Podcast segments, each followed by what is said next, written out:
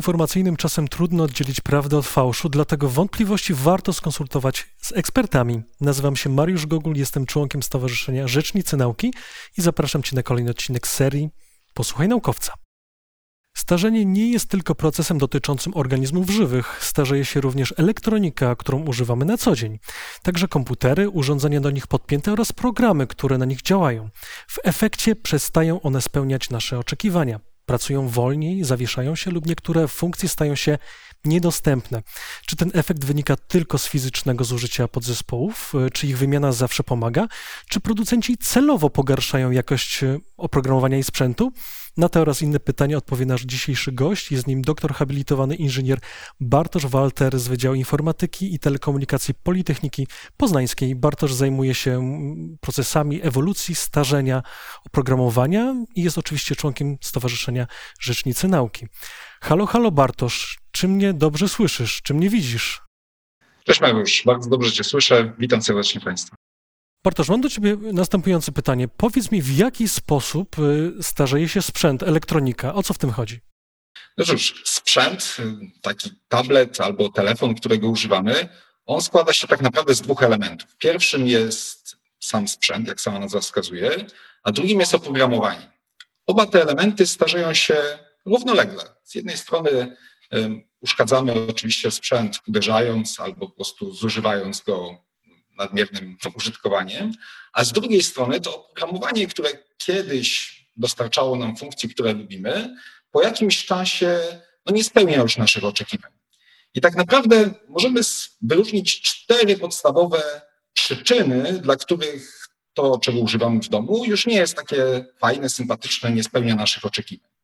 Po pierwsze, e, zmieniają się nasze oczekiwania. Mhm. Jeżeli my używaliśmy telefonu komórkowego lat temu 10, no to wiadomo, miał on klawisze, mogliśmy nim dzwonić i wysyłać SMS. Większości ludzi to w zupełności wystarczało. Natomiast obecnie chcemy móc na nim grać, chcemy na nim słuchać muzyki, chcemy, żeby on dostarczał nam rozrywki. Więc nasze oczekiwania wyprzedziły ten sprzęt, którego używaliśmy lat temu 10 i w związku z tym no, nie chcemy tego telefonu, chcemy nowego. Po drugie, zmienia się środowisko, e, zmienia się to, z czym możemy się porównać. Jeżeli mój sąsiad, kolega ma lepszy sprzęt, to nam wydaje się automatycznie gorszy.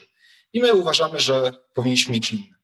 No wreszcie każdy sprzęt, jak i każdy program, co przecież doskonale wiemy, posiada błędy. Mhm. A skoro ma błędy, to trzeba je naprawiać. I oczywiście te błędy powodują, że dostajemy aktualizację. Ta aktualizacja czasami lepiej, czasami gorzej pasuje do programu.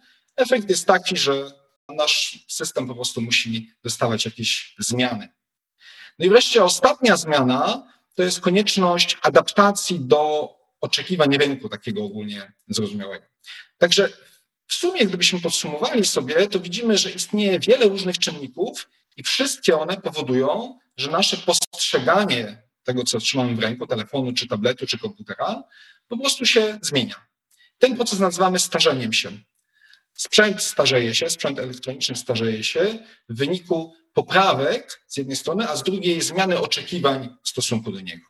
Okej, okay, czyli starzenie się jest procesem zarówno mechanicznym, jak i procesem dotyczącym oprogramowania. E, to teraz mówimy o tej mechanice. Ja pamiętam, że jeszcze jak byłem małym dzieckiem, zepsuło się radio, dziadek szedł po część do sklepu i ją naprawiał. Dlaczego teraz nie naprawiamy? Czy nie jest to możliwe, nieopłacalne? Dlaczego tak się dzieje? No cóż, to znowu jest proces wielowymiarowy. Z jednej strony obecnie sprzęt, którego używamy, szczególnie sprzęt elektroniczny, jest bardzo silnie zintegrowany. Kiedyś dziadek mógł pójść do sklepu i kupić sobie jedną część i tę część wystarczyło wymienić, radio zaczynało działać. Obecnie próba zabawy z telefonem komórkowym musi skończyć się katastrofą. To znaczy na pewno nie uda nam się ręcznie go naprawić. Mhm. Być może przy użyciu specjalistycznego sprzętu i pod mikroskopem to jest możliwe, ale na pewno nie w warunkach domowych. A więc choćby z tego powodu raczej odradzamy. Po drugie, pamiętajmy o tym, że zysk producenta takiego sprzętu zależy nie od tego, ile razy naprawimy urządzenie, tylko ile razy sprzeda nam zupełnie nowy element, zupełnie nowe urządzenie w całości. I dlatego obecnie, jak telefon komórkowy przestaje nam się podobać, to mimo, że on cały czas jest sprawny, my wymieniamy go na nowy w całości, bo nie jesteśmy w stanie powiedzieć, dlaczego ta jedna część musiałaby ulec wymianie. Po prostu to jest kwestia tego, że nie jest to, nie jest to opłacalne. Lepiej kupić, bardziej się opłaca kupić nowy sprzęt, prawda? Też zresztą producenci chcą w ten sposób. Oczywiście. Jeżeli się rozejrzymy dookoła, to zobaczymy, że co roku producenci choćby telefonów komórkowych wypuszczają nowe modele. Te nowe modele mają troszeczkę nowych części, troszeczkę nowych funkcji, ale sprawiają wrażenie czegoś zupełnie nowego. I rolą producentów jest e, takie przedstawienie tego produktu, zbudowanie takiego marketingu, który spowoduje, że my zechcemy wymienić ten cały sprzęt na nowy. Więc w efekcie jesteśmy zachęcani do tego, żebyśmy inwestowali swoje środki w zupełnie nowe sprzęty, których być może nie spełnią one w całości naszych oczekiwań, tak jak sobie je wyobrażamy. Tutaj widzę na slajdzie przygotowałeś dla nas jeszcze taką informację na temat popularności systemów operacyjnych. Czy mógłbyś opowiedzieć, o co chodzi w tym wykresie? Tak, historia systemów operacyjnych jednego z wiodących dostawców, szczególnie systemów Windows, jest bardzo pouczająca. Otóż e, producentowi bardzo często się udawało wypuścić na tyle udany system operacyjny, tak, na tyle udaną wersję, że użytkownicy wcale nie odczuwali potrzeby przesiadania się na nowsze wersje. I powstał dla niego problem, bo jeżeli on zbudował produkt na tyle dobry, że nie powoduje, że użytkownicy chcieliby go zmienić, no to on nie otrzymuje dodatkowych wpływów ze sprzedaży. Więc w pewnym momencie producent zaczął celowo zachęcać użytkowników do przesiadki na nowsze wersje. Mhm. Ale użytkownicy okazali się całkiem oporni na zachęty i obecnie na rynku obserwujemy wiele różnych wersji tego systemu operacyjnego, z których część ma już całkiem sporo lat. Tak, Windows 7 tutaj, prawda? To chyba jest najstarsza wersja tego Windowsa, który widzę na wykresie. No, 46% ponad. Tak, to jest wersja, która może nie jest najstarsza, ale najstarsza, która ciągle dominuje na rynku. Pamiętajmy, że od tego czasu y, Windows przeszedł przynajmniej dwa duże wydania i kilka mniejszych. I nadal okazuje się, że wielu użytkownikom po prostu ten system wystarczył. Nie widzą potrzeby, żeby przesiadać się na coś nowszego. Mam takie pytanie, bo mm, to wiemy, że sprzęty trudniej naprawić, e, ale czy jest jakiś sposób, żeby je, je odmłodzić? Może zacznijmy od sterowników, bo sterowniki się wgrywa co jakiś czas, prawda? Podobnie jak oprogramowanie, które, które tutaj przedstawiłeś, też powinno być aktualizowane. Co z tymi sterownikami? Sterowniki to są takie małe kawałki programów, które żyją bezpośrednio blisko sprzętu, czyli to one rozmawiają między tym oprogramowaniem, które my widzimy, to, które klikamy, które dostarcza nam radości, a bezpośrednio sprzętem, który to wykonuje. Mhm. A więc, żeby coś naprawić na szybko, no to oczywiście najczęściej stosuje się podmianę sterownika. I ten sterownik powinien być naszym w cudzysłowie przyjacielem, to znaczy na nim możemy polegać, że on rzeczywiście współpracuje ze sprzętem w najlepszy możliwy sposób. Okej, okay, ale on zawsze odmładza ten sprzęt? Y, co do zasady tak, chociaż znane są przypadki, gdy producent celowo wprowadzał do tego e, sterownika zmiany, które w gruncie rzeczy powodowały, że sprzęt działał wolniej. Na przykład inny wiodący producent na rynku telefonów komórkowych w pewnej wersji wprowadził zmiany w sterowniku obsługującym baterię, tylko po to, żeby ten sprzęt działał nieco gładziej, żeby nie napotykał jakichś takich momentów, w których się zawiesza czy spowalnia. W całości jednak spowodowało to, że system mhm. działał wolniej.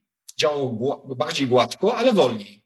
Ponieważ użytkownicy tego nie wiedzieli, no to okazało się, że instalując nową wersję, co do której spodziewali się, że poprawi ona ich odczucia w związku z tym urządzeniem, nagle okazało się, że system działa gorzej i, i oni nie wiedzą dlaczego.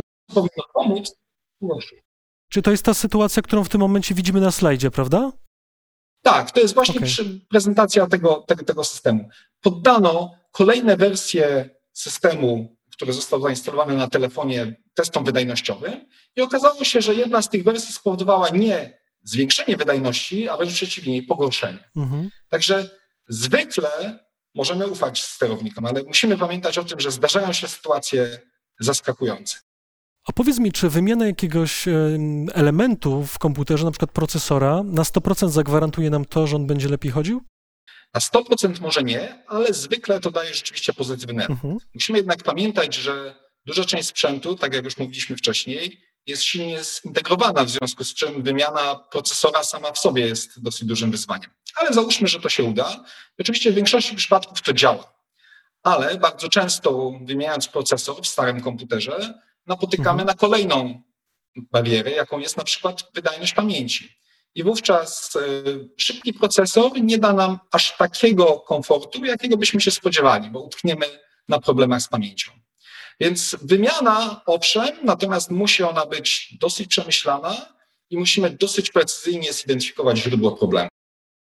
Okej, okay, czyli tak naprawdę odmłodzenie sprzętu to nie jest taka rzecz bardzo, bardzo prosta. To w takim razie, jakie miałbyś rady dla nas, żeby móc ten sprzęt odmłodzić? Co powinniśmy robić?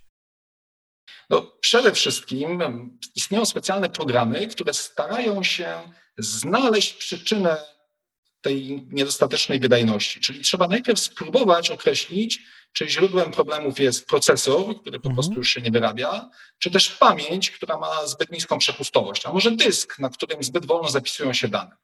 I wówczas, gdy to zidentyfikujemy, no to dopiero można przystąpić do jakiegoś sensownego odmładzania sprzętu. Oczywiście zawsze, bezwzględnie, warto mimo wszystko inwestować w dobre sterowniki, inwestować w sensie aktualizować je na bieżąco. Czyli mimo tych zastrzeżeń, które mieliśmy wcześniej do sterowników, należy założyć, że producent nie zawsze chce nas oszukać, jednak to, co oferuje nam na bieżąco, jest najlepszym wyborem dla nas. Oczywiście. A co z czyszczeniem na przykład komputera, żeby musimy usuwać kurz z wiatraków, prawda? To jest chyba rzecz potrzebna. Tak, zdecydowanie. To jest jedna z nielicznych rzeczy, które w komputerach się psuje na bieżąco. Jak wiemy, komputery emitują całkiem sporo energii cieplnej i w związku z tym musimy odprowadzać to ciepło w jakiś efektywny sposób. Podstawowa sprawa to jest czysty radiator, czysty wentylator. Także po pierwsze musimy odkurzać te wentylatory, po drugie raz na jakiś czas warto oddać komputer do z reguły specjalistycznego serwisu, który pozwoli nam lepiej odprowadzić ciepło z, z, przede wszystkim z procesora, czyli wymienić tak zwaną pastę termoprzewodzącą, do, na którą przyklejony jest e, radiator. No to jest rzeczywiście element, który zdecydowanie najczęściej powoduje rozmaite problemy z wydajnością. OK, czyli czyszczenie e, też jest bardzo ważne. E, ostatnie pytanie mam do Ciebie, bo niestety tak się zdarza, że mm, niektórzy producenci konstruują sprzęty, które bardzo szybko się psują. Ja akurat tego nie doświadczyłem, ale mam znajomych, których komputery padały, mówiąc kolokwialnie, kilka tygodni po zakończeniu gwarancji. Powiedz mi, czy są jakieś regulacje prawne, które jakby pomagają z tym, będą e, tutaj robić jakieś naciski na producentach, żeby te sprzęty dłużej działały? Tak, takie regulacje zaczynają się pojawiać. To jest bardzo dobra wiadomość dla nas, konsumentów.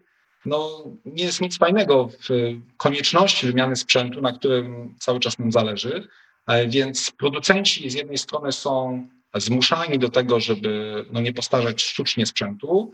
Po drugie, są zobowiązani do tego, żeby oferować części zamienne przez odpowiednio długi czas.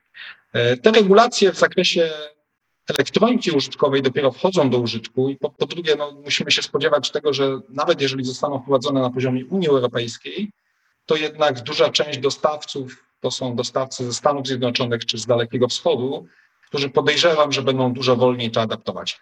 Ale cieszmy się, że pierwszy krok został uczyniony i jest nadzieja, że taka ochrona, taka pomoc dla nas, konsumentów, wkrótce nastąpi. Tak, to jest bardzo ważna informacja. E, bardzo dziękuję Ci za rozmowę. To było moje ostatnie e, pytanie. Pozdrawiam Cię serdecznie i do zobaczenia. Cześć. Do zobaczenia. Dziękuję Państwu. Komputery i urządzenia do nich podpięte starzeją się podwójnie jako elektronika jako oprogramowanie. Proces ten wynika z jednej strony ze zmiany naszych oczekiwań wobec nich, z drugiej z błędów, które wymagają poprawek, a częściowo z celowych działań producentów, którzy w ten sposób chcą nas zachęcić do zakupu nowszych, lepszych systemów. Na szczęście do pewnego stopnia możemy jako użytkownicy sobie z tym poradzić. Oczywiście przyspieszenie komputera nie jest łatwe i nie zawsze się udaje, ale możemy spowolnić jego starzenie. W tym odcinku to już wszystko. Do zobaczenia. Mm-hmm.